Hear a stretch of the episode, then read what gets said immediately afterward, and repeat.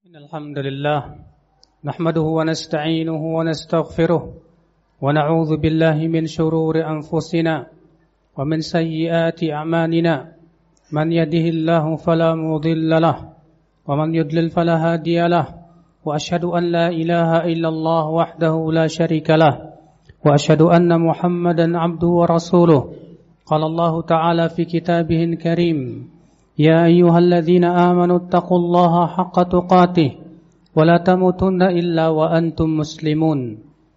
وقال تعالى يا أيها الناس اتقوا ربكم الذي خلقكم من نفس واحدة وخلق منها زوجها وبث منهما رجالا كثيرا ونساء.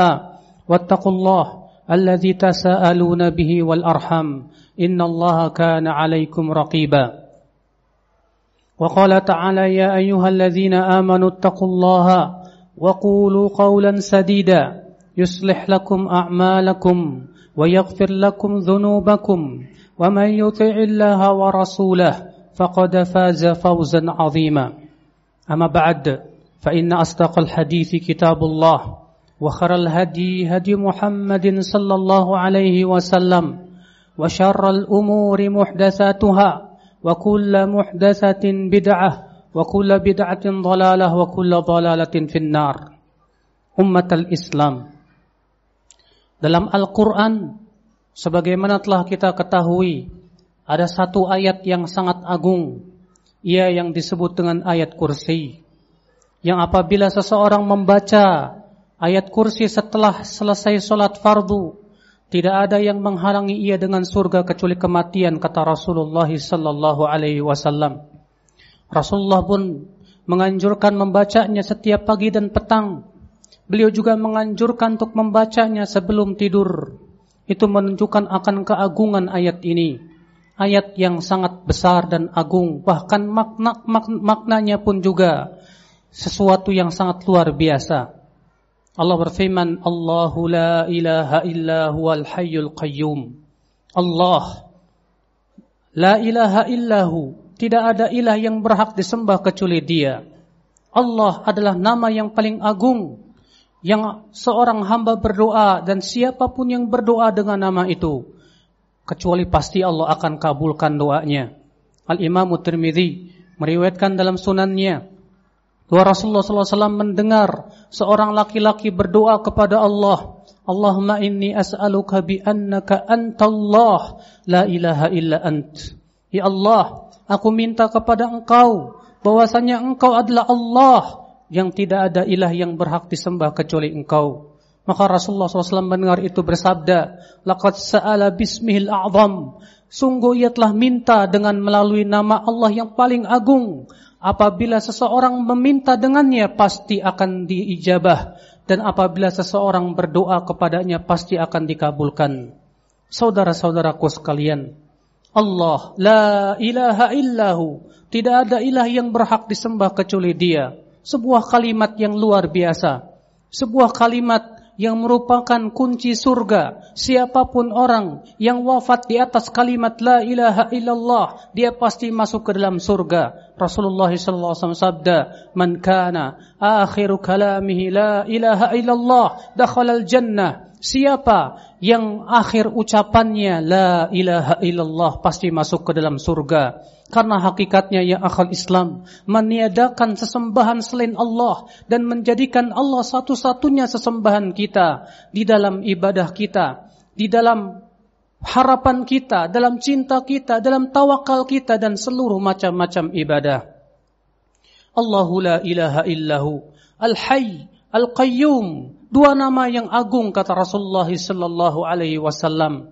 Al-hayy artinya yang maha hidup yang tentunya kehidupan Allah sangat sempurna. Kehidupan Allah berkonsekuensi kepada sifat-sifat yang mulia. Semua sifat Allah menunjukkan akan hidupnya Allah Subhanahu wa taala di mana hidupnya Allah tidak didahului oleh ketiadaan dan tidak akan diakhiri oleh kebinasaan. Hidupnya Allah akan terus kekal selama-lamanya uh ikhwatal Islam al-qayyum dan yang yang berdiri sendiri yang tidak membutuhkan siapa pun dia yang sendirian mengurus langit dan bumi mengurus malaikat manusia dan memberikan rezeki kepada mereka. Allah tidak membutuhkan membutuhkan bantuan mereka sedikit pun juga. Bagi Allah itu mudah untuk mengurus langit dan bumi dan hamba-hambanya yang sangat banyak.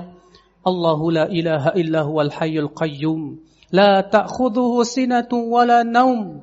Allah tidak ditimpa rasa kantuk, tidak pula ditimpa rasa tidur karena yang ngantuk dan tidur menunjukkan kelemahan sedangkan Allah tidak lemah dia maha kuat dan tidak ada kekuatan yang lebih dari Allah Subhanahu wa taala la ta'khudhu sinatu wala naum. Sedangkan manusia sehebat apa pun sekuat apa pun ia pasti akan diresak ditimpa rasa kantuk dan tidur. Menunjukkan betapa lemahnya dia maka seorang hamba hendaknya memahami bahwa dirinya lemah maka janganlah ia bersombong kepada Allah Subhanahu wa taala. La ta'khudhu sinatu wala naum. Lahu ma fis samawati wa ma fil ard. Milik Allah lah apa yang ada di langit dan di bumi, semua yang ada di langit hanyalah milik Allah. Adakah sesuatu yang bukan milik Allah di langit dan di bumi ini? Tidak ada ya akal Islam. Bahkan yang kita miliki pun milik Allah. Bahkan diri kita pun juga milik Allah. Istri kita, harta kita, kendaraan kita, harta kita seluruhnya pun milik Allah subhanahu wa ta'ala. Maka kewajiban kita ya akhul Islam Karena semua itu milik Allah. Kewajiban kita adalah yang pertama mensyukuri nikmat-nikmat tersebut. Kemudian yang kedua mengakui bahwasanya Allah lah pemilik segala, pemilik segala sesuatu Sehingga kita tidak berdoa kecuali hanya kepada dia saja. Sehingga kita meyakini bahwasanya semua milik Allah Yang harus kita syukuri Yang harus kita gunakan dalam rangka menaatinya. Lahu ma fis samawati wa ma fil Man yashfa'u indahu illa biidznih. Siapakah yang bisa memberikan syafaat di sisi Allah kecuali dengan izin Allah? Siapa pun tidak akan mampu memberikan syafaat kecuali izin dengan izin Allah. Bahkan Rasulullah pun tidak bisa memberikan syafaat kecuali setelah Allah berikan padanya izin. Karena syafaat hanya milik Allah. Allah berfirman, "Qul lillahi syafa'atu jami'a." Katakan Muhammad, milik Allah lah syafaat itu seluruhnya. Seluruh syafaat hanya milik Allah. Memang di hari kiamat para nabi, orang-orang saleh, orang-orang yang beriman, kelak Allah berikan izin mereka untuk memberikan syafaat. Tapi semuanya tidak akan bisa melakukan kecuali dengan izin Allah. Maka siapa pun yang ingin mendapatkan syafaat Rasulullah, maka tauhidkanlah Allah. Karena syafaat Allah hanya untuk orang-orang yang mentauhidkannya dan menjauhkan kesyirikan. Jangan sampai ya akhal Islam, kita meminta syafaat kepada mayat-mayat yang sudah meninggal dunia. Jangan sampai ya akhal Islam, kita mengharapkan syafaat kepada manusia yang tidak bisa memberikan syafaat.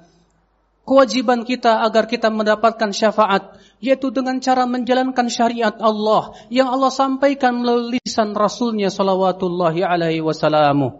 Man yashfa'u indahu illa biidznih.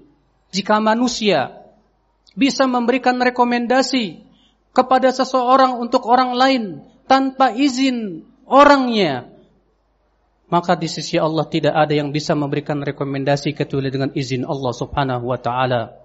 Allah berfirman, "Wa kam wa, kam min malakin fis samawati wal ard." Wa kam min malakin fis samawati la tughni syafa'atuhum syai'an illa min ba'di ay ya'dzana Allahu liman yasha'u wa yarda. Berapa banyak malaikat yang ada di langit ternyata tidak tidak bermanfaat syafaat mereka sama sekali kecuali setelah Allah berikan izin dan Allah ridhai. Ini menunjukkan ya akhul Islam bahwa syafaat tidak akan diberikan kecuali dengan dua syarat. Yang pertama izin Allah kepada yang memberikan syafaat dan ridho Allah kepada yang diberikan syafaat dan yang memberikan syafaat. Tanpa kedua itu sama sekali tidak akan mendapatkan syafaat sama sekali. Man dzalladzi yashfa'u indahu illa biidznihi aydihim wa ma khalfahum wa la yuhituna bi syai'in min ilmihi illa bima syaa.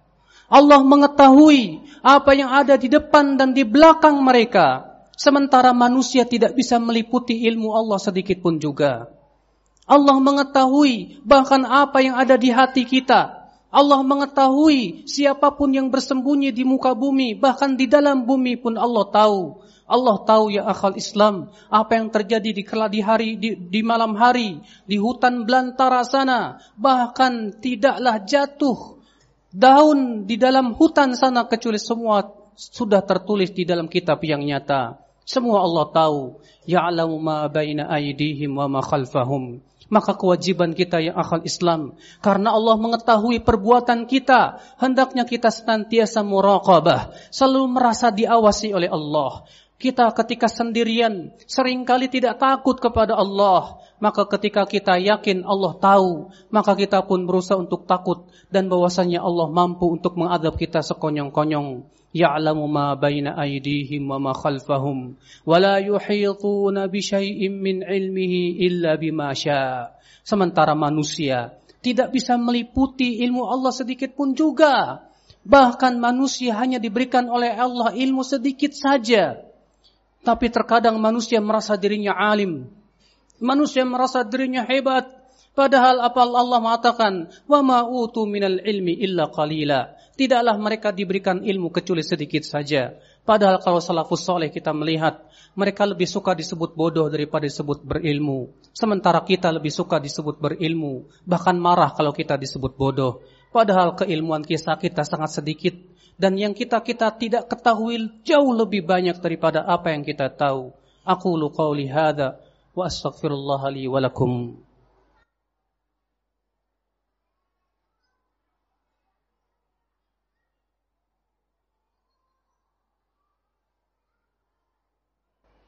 Alhamdulillah wassalatu wassalamu ala Rasulillah nabiyina Muhammadin wa alihi wa sahbihi wa man walah واشهد ان لا اله الا الله وحده لا شريك له واشهد ان محمدا عبده ورسوله امه الاسلام lalu Allah berfirman wasi'a kursiyyuhu samawati wal ard wa la ya'uduhu hifdhuhuma wa huwal aliyyul azim dan kursi Allah meluasi langit dan bumi Saudara-saudaraku sekalian disebutkan dalam hadis yang hasan Tidaklah tujuh langit dan tujuh bumi dibandingkan dengan kursi Allah kecuali seperti cincin dibandingkan dengan padang pasir.